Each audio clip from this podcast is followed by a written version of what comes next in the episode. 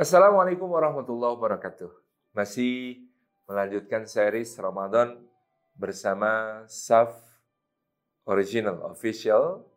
Pada kesempatan kali ini kita masih membahas para pahlawan Nusantara kita yang luar biasa.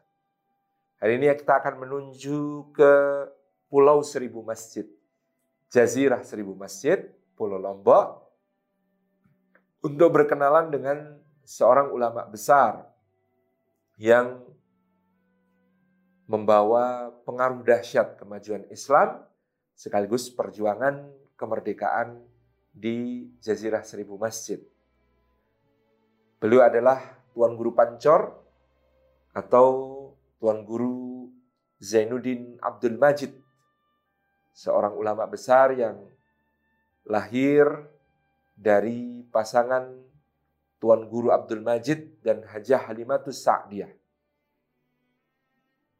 Kalau dirunut ke atas maka dipercaya bahwa Tuan Guru Muhammad Zainuddin Abdul Majid atau Tuan Guru Bancor ini masih zuriyah dari Datu Selaparang.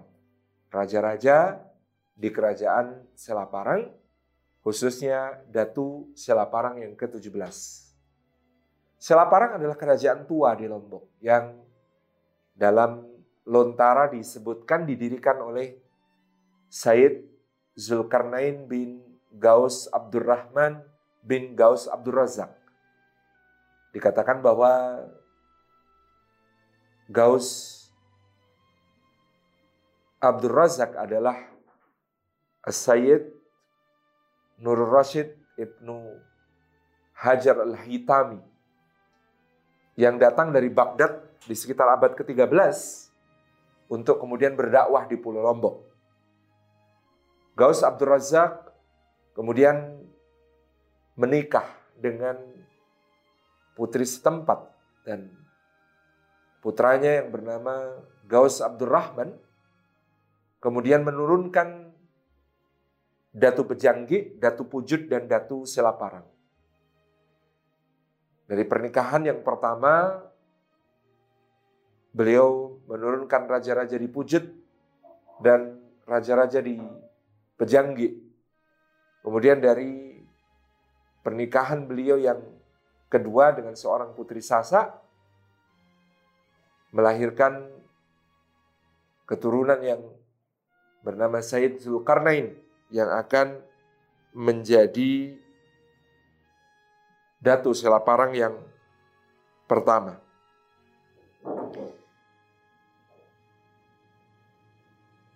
Ini memang masih dalam penelitian dari para ahli sejarah yang jika lontara tentang Gaus Abdul Razak dan Gaus Abdul Rahman ini benar, maka Islam masuk ke Pulau Lombok sangat awal pada sekitar abad ke-13 Masehi dan ini hampir bersamaan dengan datangnya raja-raja Ternate ke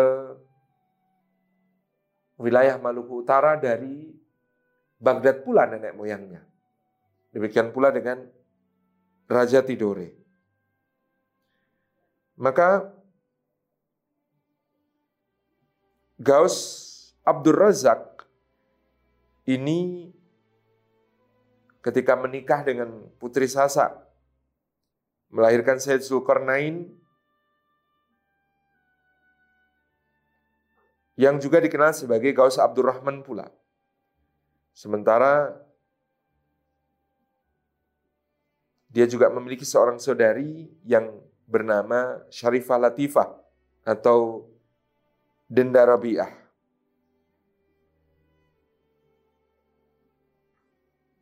Nah, Said Abdurrahman atau Gaus Abdurrahman juga disebut sebagai wali nyatok, wali yang nyata. Sebagai penyebar Islam di wilayah Lombok Tengah tersebut. Ketika berada di wilayah Bayan, Lombok Utara,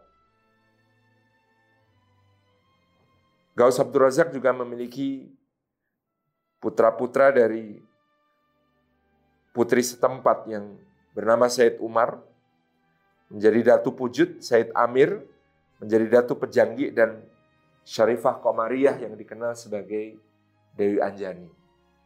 Ini sekilas tentang leluhur Tuan Guru Muhammad Zainuddin Abdul Majid yang memang sejak dahulu merupakan keluarga dari para penyebar agama Islam di bumi Lombok. Kemudian tokoh kita ini Tuan Guru Muhammad Zainuddin Abdul Majid pada waktu kecil diberi nama oleh ayahandanya Muhammad Sagaf ini karena ada kejadian menarik tiga hari sebelum beliau dilahirkan oleh Haji Halimatus Sa'diyah. Ayahandanya Tuan Guru Abdul Majid mendapatkan tamu dua orang dari Hadramaut min duriyati Rasulullah sallallahu alaihi wasallam dua orang sayyid yang sama-sama bernama Sakaf meskipun berbeda marga. Sakaf yang berarti atap tinggi yang menaungi para wali.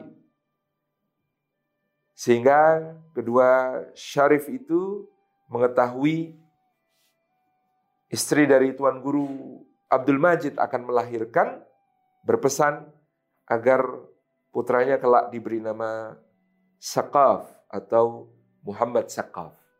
Betul, ketika lahir Anak itu diberi nama Muhammad Sakaf dalam dialek Yamani yang kemudian banyak dipakai juga di Indonesia. Sakaf dilafazkan sebagai Sagaf. Sementara kata Sagaf dalam dialek Lombok menjadi Segep. Kata Segep inilah yang banyak digunakan oleh ibunda beliau, Haji Halimatus Sa'diyah untuk menyebut nama Tuan Guru Zainuddin Abdul Majid. Gap, segap, begitu. Kalau memanggil putranya. Kemudian Tuan Guru Muhammad Zainuddin Abdul Majid ini putra bungsu dari enam bersaudara. Beberapa kakak kandungnya antara lain Siti Syarbini, Siti Cilah, Hajah Saudah, Haji Muhammad Sobur, dan Hajah Masyitah. Tuan Guru Abdul Majid, ayahanda beliau pada masa mudanya, bernama Luqmanul Hakim dan sering dipanggil sebagai guru mukminah. Beliau giat memimpin pertempuran melawan penjajah. Ketika pada saat itu di Pulau Lombok, perjuangan melawan penjajahan semakin sulit karena peperangan fisik dengan Belanda betul-betul menguras tenaga maupun kesejahteraan masyarakat, maka Tuan Guru Abdul Majid membawa istrinya Haji Halimatus Sa'diyah dan juga membawa Muhammad Segep. Muhammad Segep kecil ini yang baru berusia 9 tahun menuju Makkah Al-Mukarramah untuk menunaikan haji sekaligus juga demi pendidikan sang putra agar mendapatkan ilmu di kota di mana Islam diturunkan oleh Allah Subhanahu wa taala. Ketika tiba di tanah suci Makkah, maka ayahandanya langsung mencarikan guru-guru untuk sang putra tercinta. Maka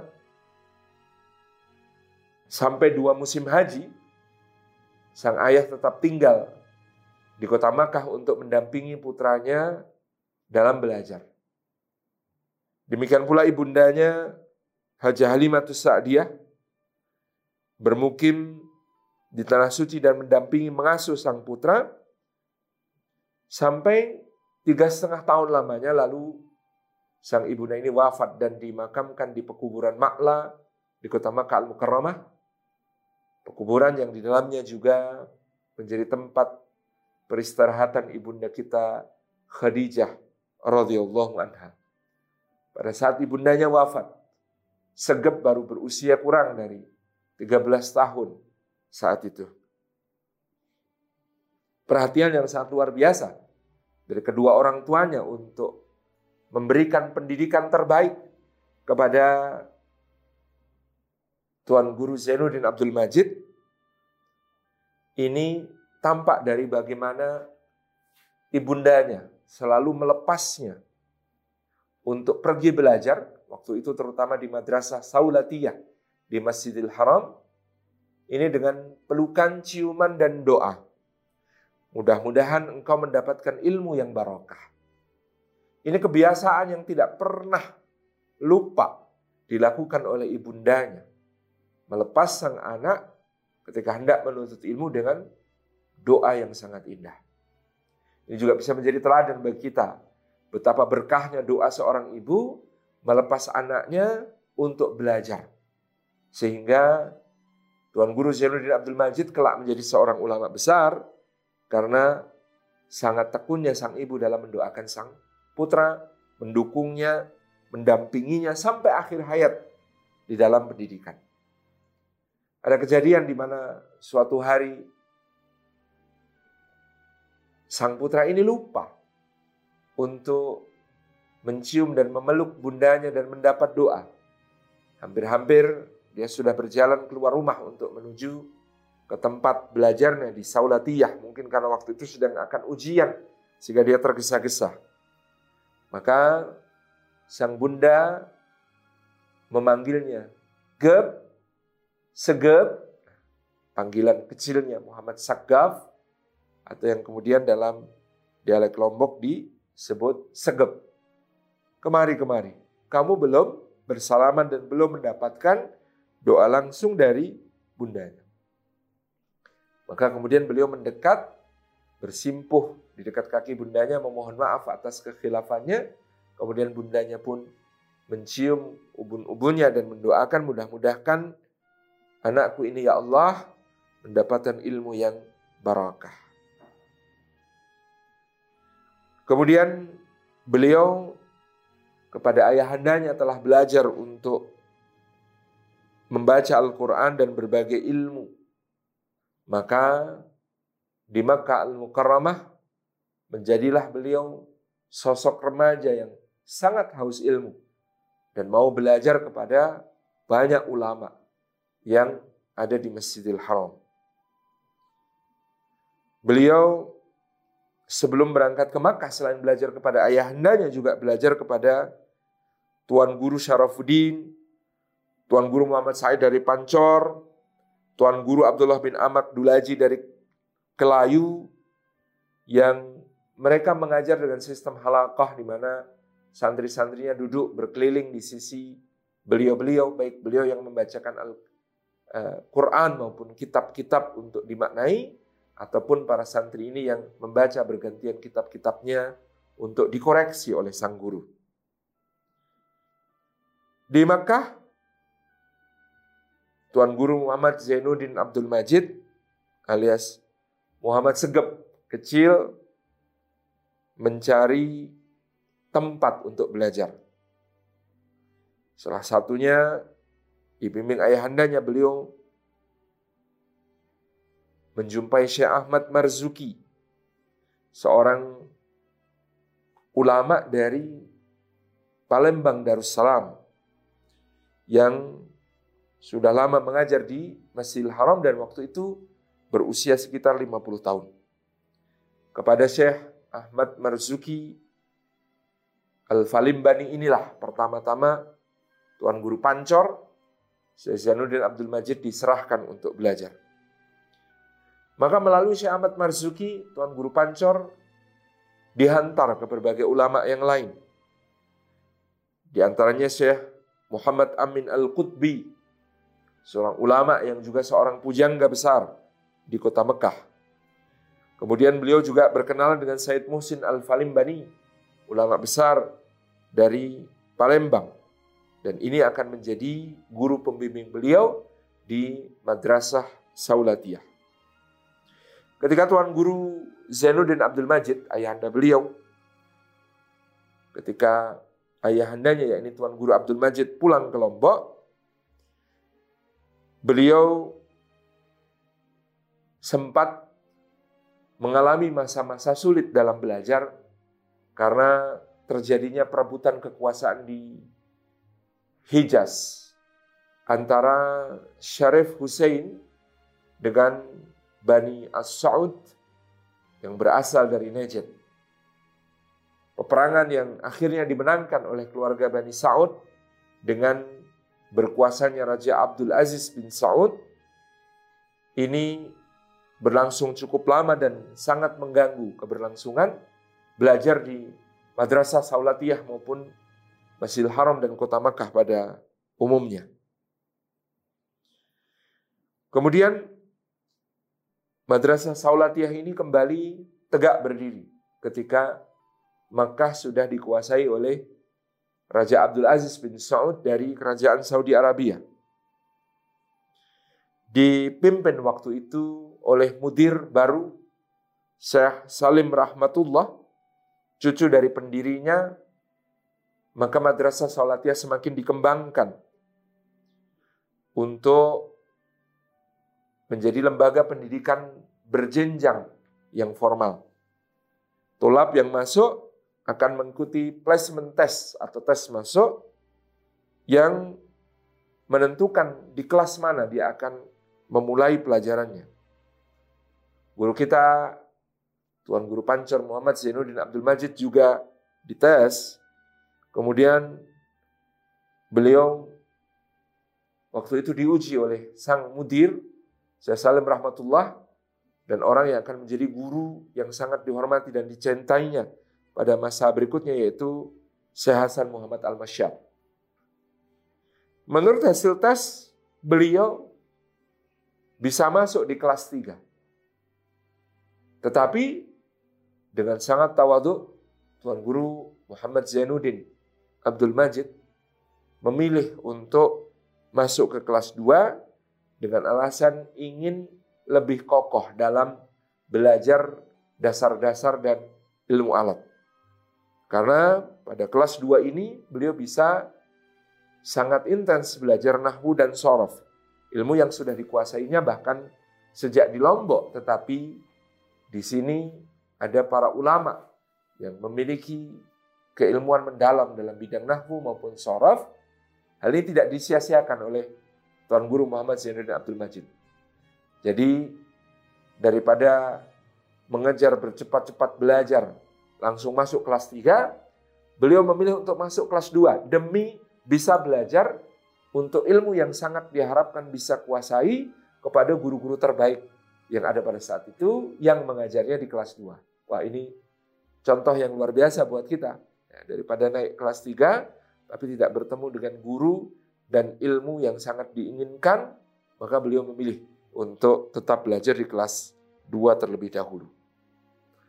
Beliau di kelas 2 ini belajar dengan serius dan menguasai materi-materi pelajaran dengan sangat cepat sehingga ditetapkan untuk beliau dari kelas 2 tidak perlu untuk mengikuti pendidikan kelas 3 dan langsung dipersilakan loncat ke kelas 4. Kemudian dari kelas 4 beliau loncat ke kelas 6 itu ya.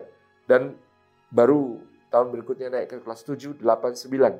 Sehingga kalau pada umumnya pelajar di Saulatiyah menamatkan pendidikannya selama 9 tahun, Tuan Guru Zainuddin Abdul Majid ini karena kecerdasan yang luar biasa dan pilihannya untuk menguasai ilmu-ilmu dasar secara mumpuni sebelum mempelajari yang lain, berhasil menamatkan pelajaran di Saulatiyah hanya selama enam tahun atau tiga tahun lebih cepat daripada kawan-kawannya yang lain.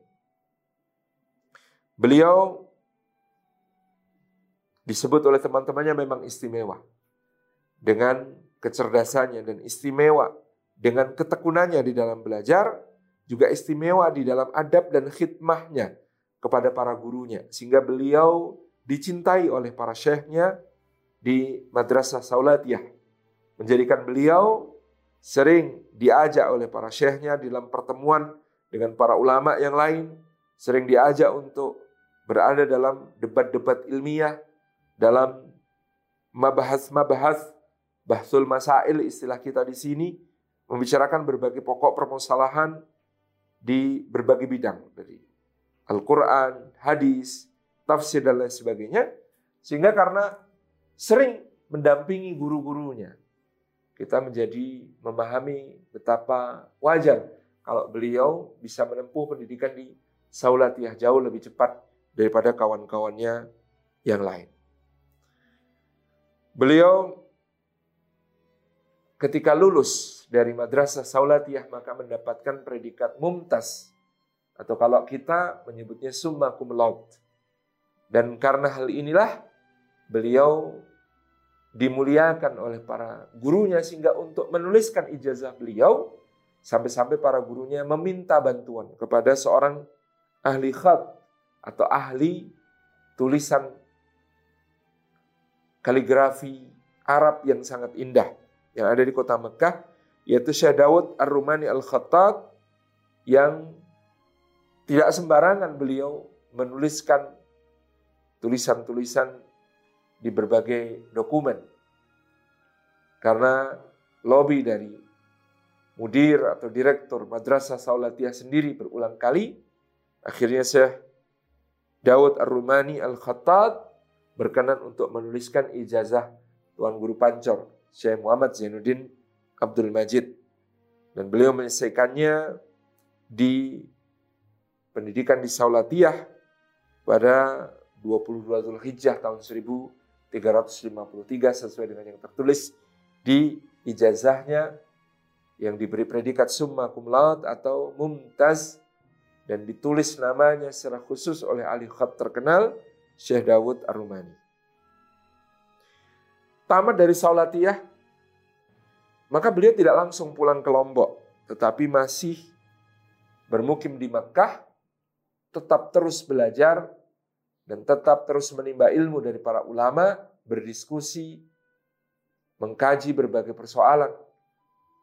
Dan pada waktu itu pula beliau mendampingi adiknya yang bernama Tuan Guru Haji Muhammad Faisal Abdul Majid yang kelak akan dikenal sebagai seorang mujahid. Beliau bertempur melawan nikah ketika di Civil Administration atau penjajah Belanda yang membonceng sekutu pemenang perang hendak masuk kembali ke Indonesia yang telah diproklamasikan pada 17 Agustus 1945 dan Tuan Guru Haji Muhammad Faisal Abdul Majid adik Syekhona Tuan Guru Pancor pada saat itu gugur di dalam peperangan melawan tentara Belanda atau nikah. Selesai menuntut ilmu di Mekah, Tuan Guru Muhammad Zainuddin Abdul Majid tiba di Lombok dan tidak menunggu waktu lama, beliau terus melakukan safari dakwah. Mendatangi masyarakat, menyampaikan ceramah-ceramah keagamaan, dan menjadikan beliau sangat dikenal oleh masyarakat Lombok karena waktu itu usia beliau yang muda namun sudah tampil di khalayak rame dengan ilmu yang mumpuni, maka beliau dipanggil sebagai Tuan Guru Bajang.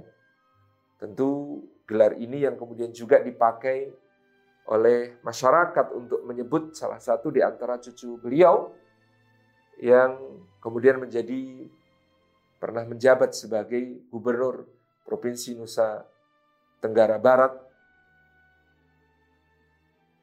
yaitu Tuan Guru Bajang Zainul Majdi yang merupakan salah satu di antara cucu beliau. Pada 22 Agustus 1937, tidak sampai setahun setelah kepulangan beliau dari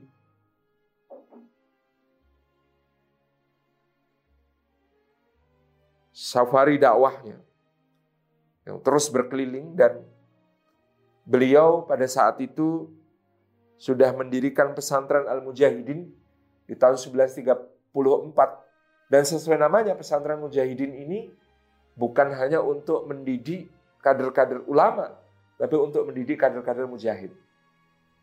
Sehingga di pesantren Al-Mujahidin ini juga diajarkan ilmu bela diri, diajarkan ilmu berperang yang tadi di antara buah dari pesantren Al-Mujahidin ini para santri dan pemuda yang siap berjuang untuk merebut dan mempertahankan kemerdekaan. Seperti yang kemudian akan bergabung dengan adik beliau, Tuan Guru Muhammad Faisal, dalam perang melawan Nika di tahun 1946. Sebelumnya, mereka juga sudah berpengalaman melawan kolonial Belanda maupun juga penjajahan Jepang pada masanya. Di 22 Agustus 1937 itu beliau mulai mendirikan Nahdlatul Waton, Diniyah Islamiyah. Yang kemudian disebut sebagai NWDI. Sebagai wadah yang lebih besar bagi pesantrennya untuk mengembangkan pendidikan Islam bagi para pemuda di Lombok, khususnya pemuda-pemuda Sasak, suku Sasak yang merupakan suku asli dan mayoritas di Lombok pada saat itu.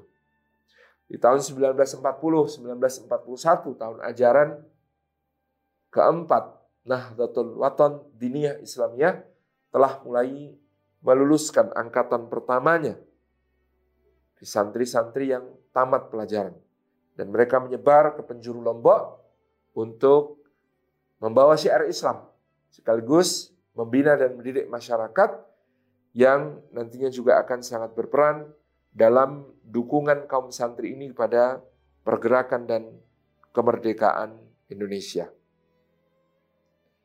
Beliau Tuan Guru Zainuddin Abdul Majid adalah seorang ulama yang karismatik, yang didengarkan oleh masyarakat, yang diikuti berbagai pandangan-pandangannya oleh khalayak yang luas, bukan hanya di Lombok, tapi mungkin di seluruh Nusa Tenggara pada saat itu, dan juga beliau menjadi gurunya para guru dengan ulama-ulama dari Lombok yang berdatangan untuk belajar kepada beliau.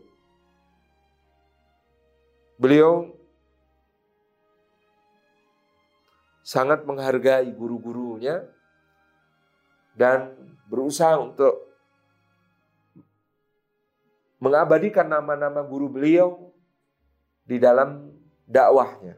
Di antaranya misalnya Syekh Hasan Muhammad Al-Masyad yang sangat beliau hormati dan cintai, maka namanya beliau abadikan menjadi pesantren Hasaniyah Nahdlatul Watan di Jengge, Lombok Timur.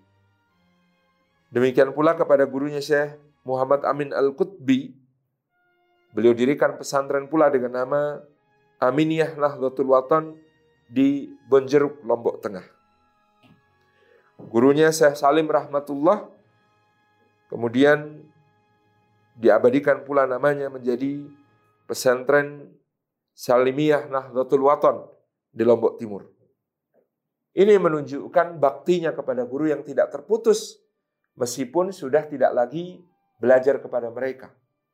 Sehingga dengan mengabadikan nama para gurunya untuk menjadi nama pesantren-pesantren dalam jaringan Nahdlatul Waton ini, beliau telah mengajarkan dengan nyata bagaimana memuliakan guru yang akan menjadi sebab dari keberkahan ilmu yang didapat. Ini akan menjadi salah satu akhlak dan adab bagi para tokoh, para ulama, para santri, maupun para anggota Nahdlatul Waton di berbagai penjuru nantinya. Beliau hidup dengan tawaduk dan sederhana Beliau dekat dengan murid-muridnya dan bahkan juga dengan para warga. Beliau setia mendengarkan berbagai keluhan dan curahan hati dari masyarakat. Pintu rumahnya selalu terbuka bagi orang-orang yang datang untuk sekedar ingin melihat wajahnya, sekedar ingin menanyakan persoalannya, atau sekedar ingin menyimak kata-katanya yang teduh dan nasihat-nasihatnya yang sangat mengena. Beliau menampung berbagai keluhan, mendengar dan mencoba untuk mencarikan jalan penyelesaian dengan penuh kearifan dan kebijaksanaan di tengah masyarakat Lombok pada saat itu. Beliau mendidik para kader-kader di Nahdlatul Watan dengan disiplin tinggi. Mendidik mereka untuk memiliki sifat jujur, mendidik mereka untuk memiliki jiwa pengabdian yang tulus, mendidik mereka untuk senantiasa mementingkan ilmu dan mengajar serta berjuang dan rela berkorban untuk kemajuan syiar Islam. Betapapun orang memahami bahwa yang keluar dari lisan beliau betul-betul berasal dari hati dan berasal dari jiwa beliau yang tulus dan pengabdian beliau yang sudah beliau buktikan selama bertahun-tahun di Nahdlatul Watan.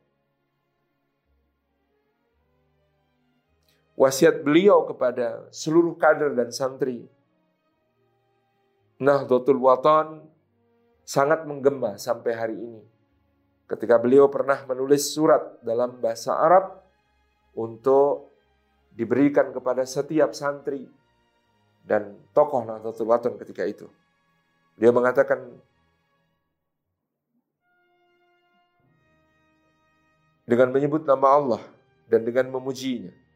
Semoga keselamatan, rahmat dan barakah Allah tercurah kepada kalian. Juga ampunan dan ridhonya. Anak-anak yang setia dan murid-muridku yang berakal, sesungguhnya semulia-mulia kamu di sisiku adalah yang paling banyak bermanfaat untuk perjuangan syiar Islam bersama Nahdlatul Watan.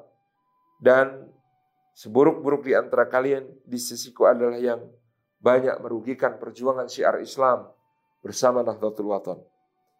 Maka dari itu kuatkanlah kesabaran, tetaplah bersiap siaga, berjuanglah di jalan ya, perjuangan kita Nahdlatul Watan untuk meninggikan kemuliaan agama dan negara.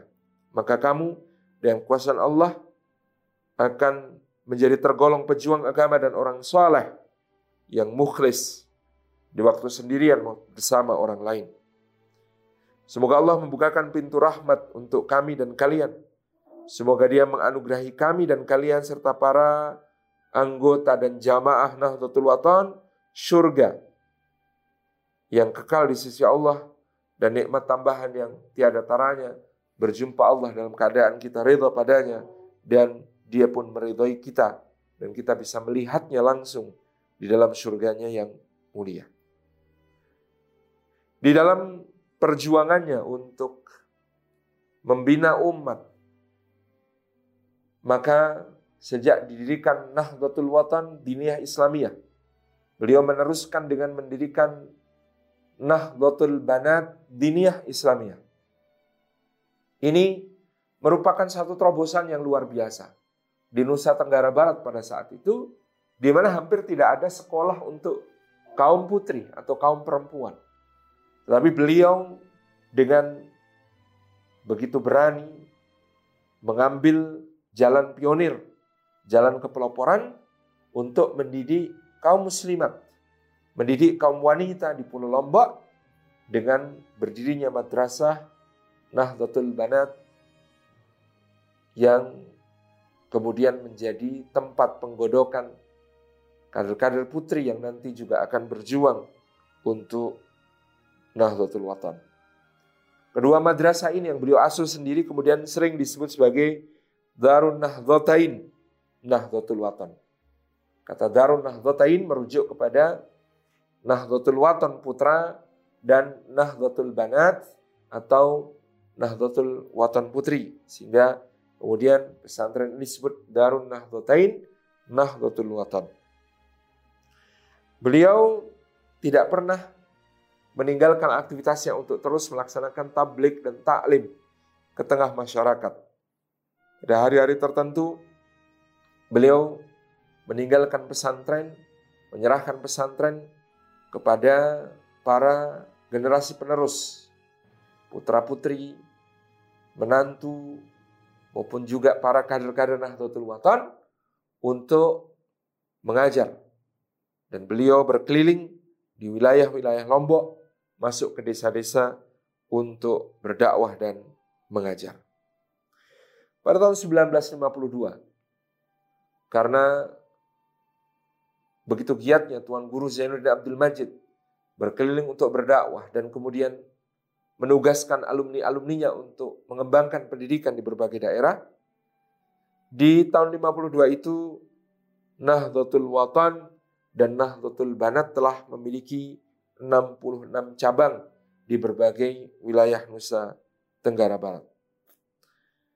Maka beliau akhirnya untuk menaungi semua kegiatan dakwah, lembaga pendidikan, dan berbagai aktivitas dari pesantrennya maupun santri-santri serta alumni-alumni yang telah menyebar dan bahkan banyak mendirikan pesantren di berbagai tempat. Beliau pada bulan Maret 1953 mendirikan organisasi masyarakat Nahdlatul Watan.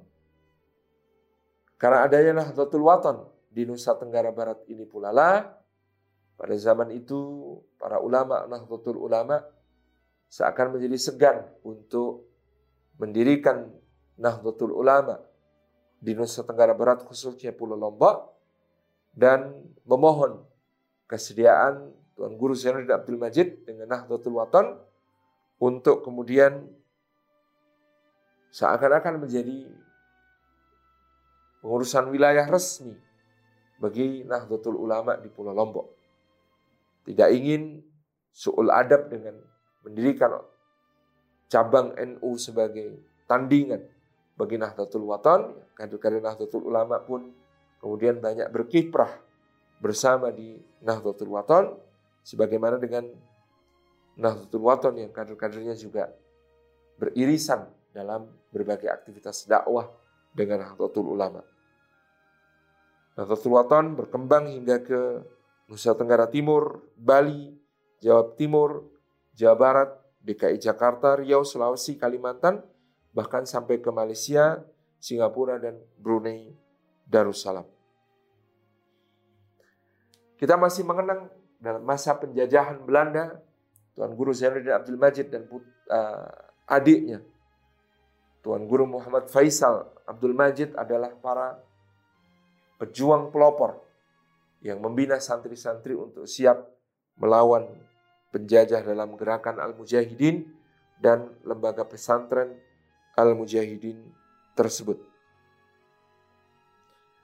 Tuan Guru Muhammad Faisal Abdul Majid tadi sudah kita sebut, adik beliau gugur syahid dalam penyerbuan tangsi militer milik Nika di tanggal 7 Juli tahun 1946 di Pulau Lombok pada saat itu. Maka Tuan Guru Muhammad Faisal beserta dua santri Nahdlatul Watan Diniyah Islamiyah yang kemudian ikut gugur syahid dalam pertempuran melawan Nika menjadi syuhada yang akan uh, mengawali keberadaan Taman Makam Pahlawan Rinjani Selong di Lombok Timur. Maka Tuan Guru Zainuddin Abdul Majid dapat kita catat kiprahnya luar biasa dari mulai mendirikan pesantren Al-Mujahidin tahun 34, mendirikan madrasah Nahdlatul Watan Diniyah Islamiyah tahun 37 dan tahun 43 menyusul Nahdlatul Banat Diniyah Islamiyah atau untuk Pondok Putri. Di tahun 45 menjadi pelopor kemerdekaan Republik Indonesia dan menyatakan dukungan kepada kemerdekaan Republik Indonesia bersegera dan mengajak tokoh-tokoh lain di Pulau Lombok untuk bersama-sama menjunjung kemerdekaan Indonesia tersebut. Pada tahun 46 beliau memimpin bersama adiknya Tuan Guru Muhammad Faisal perang melawan Nica dari Civil Administration atau ya, tangan Belanda untuk melakukan penjajahan kembali di Indonesia pada saat itu Kemudian beliau juga sempat menjadi Amirul Hajj dari negara Indonesia Timur, bagian dari Republik Indonesia Serikat yang waktu itu dibentuk berdasarkan perjanjian Romroyen untuk menjadi wadah bagi negara di wilayah Indonesia Timur. Kemudian Pada tahun 48 beliau menjadi delegasi negara Indonesia Timur ke Arab Saudi. Mewakili Indonesia Timur, kemudian beliau menjadi konsulat Nahdlatul Ulama di wilayah Kepulauan Sunda kecil yang meliputi Bali dan Nusa Tenggara hari ini. Pada tahun 52 beliau masih bergabung dengan Masyumi dan menjadi penasihat Masyumi di wilayah Lombok. Tahun 53 berdirilah Nahdlatul Watan dan beliau kemudian dengan keluarnya Masyumi, keluarnya NU dari Masyumi tahun 52 beliau merestui terbentuknya Partai NU dan PSI atau Partai Syarikat Islam Indonesia di Pulau Lombok dan menjadi mustasyarnya. Kemudian beliau juga melindungi dan mendorong kegiatan perti Persatuan Tarbiyah Islamiyah yang berasal dari Minangkabau di wilayahnya. Kemudian beliau menjadi anggota konstituante Republik Indonesia dari hasil pemilu tahun 55. Dan beliau pada tahun 64 menjadi peserta dari Konferensi Islam Asia Afrika di Bandung menyusul KAA yang diselenggarakan sebelumnya. Beliau terus aktif untuk mendirikan berbagai madrasah dan pondok pesantren di wilayah Jazirah Seribu Masjid dan konon Lombok menjadi jazirah seribu masjid seperti yang kita lihat hari ini tidak lepas pula dari peran beliau yang dalam kiprahnya memberikan tablik akbar di berbagai wilayah, mendorong pembangunan masjid-masjid sebagai pusat peribadahan dan syiar Islam. Lembaga-lembaga di bawah Nahdlatul Watan terus tumbuh dan berkembang. Beliau membina langsung ya mereka dengan mendatanginya di setiap waktu tertentu dan beliau terus berkiprah di tingkat wilayah maupun di tingkat nasional dengan sempat menjadi anggota MPR RI di tahun 72 sampai tahun 82 juga menjadi penasihat dari MUI Pusat. Beliau mendirikan berbagai sekolah dan universitas seperti Universitas Hamzan Wadi, Sekolah Tinggi Keguruan dan Ilmu Pengetahuan, Ilmu Pendidikan Hamzan Wadi. Kemudian beliau mendirikan Sekolah Tinggi Ilmu Hukum, Sekolah Tinggi Ilmu Dakwah, ya. Kemudian menjadi rektor mendirikan rumah sakit, mendirikan sekolah-sekolah, madrasah-madrasah, dan pesantren-pesantren di antara wilayah-wilayah di Nusa Tenggara Barat, bahkan meluas hingga NTT, Bali, dan wilayah-wilayah yang lain. Tuan Guru Zainuddin Abdul Majid juga menulis berbagai risalah dan kitab. Di antaranya dalam bahasa Arab beliau menulis Risalah Tauhid, Beliau juga mensyarah kitab Safinatun Najah dengan judul kitab Sulamul Hijab Syarah Safinatun Najah. Beliau juga menulis buku berjudul Nahduh Az-Zainiyah, kemudian At-Tufa Al-Amfenaniyah, kemudian Al-Fawakih An-Nahdiyah. Kemudian beliau juga menulis Mi'rajus Sibyan ila Sama'i Ilmil Bayan. Beliau juga menulis kitab An-Nafhat Al-Taqrir Saniyah atau An-Naf'at ala Taqriratis Saniyah. Kemudian beliau menulis kitab berjudul Nailul Angfal. Beliau juga menyusun Hizib Nahdlatul Waton, Hizib Nahdlatul Banat, Salawat Nahdlatain, Salawat Nahdlatul Waton, Salat Miftahu Babir Rahmatillah, dan Salawat Mabmusul Rahmatan Lil Alamin. Beliau juga menulis dalam bahasa Indonesia misalnya takrirat batu kompal, wasiat renungan masa, dan lain sebagainya. Beliau bahkan menggubah sendiri nasyid-nasyid perjuangan yang ada dalam Nahdlatul Watan seperti Ta'sis Nahdlatul Watan Diniyah Islamiyah. Kemudian beliau juga mengubah nasyid berjudul Imamun Syafi'i untuk menggambarkan keteguhan bermadhab syafi'i dan menyebut tentang kemuliaan Al-Imam Ash-Syafi'i, seorang ulama besar pada zamannya. Kemudian beliau menulis nasyid Ahlan biwafid Zairin, Tanawar, Mas Nahdlatul Waton, Bersatulah Haluan, Nahdlatain, Pacu Gama, Suratul Waqiah, dan lain sebagainya. Sebagai karya-karya tulis yang diwariskan ke generasi penerus. Beliau wafat pada bulan Oktober 1997 dalam usia yang sepuh dan meninggalkan warisan besar berupa ribuan ulama, puluhan ribu santri yang tersebar di berbagai daerah dan seribu lebih lembaga di bawah kelembagaan Nahdlatul Watan yang tersebar di seluruh Indonesia dan mancanegara. Beliau telah memberikan sumbangsi terbaik untuk negerinya, untuk bangsanya, untuk umat, dan mudah-mudahan kita semua terinspirasi oleh Tuan Guru Pancor, Syekh Muhammad Zainuddin bin Abdul Majid. Kita jumpa lagi insya Allah esok dalam series tentang pahlawan-pahlawan lainnya. Semoga selalu memberikan kepada kita kesadaran untuk juga berkontribusi terbaik untuk umat dan bangsa. Wassalamualaikum warahmatullahi wabarakatuh.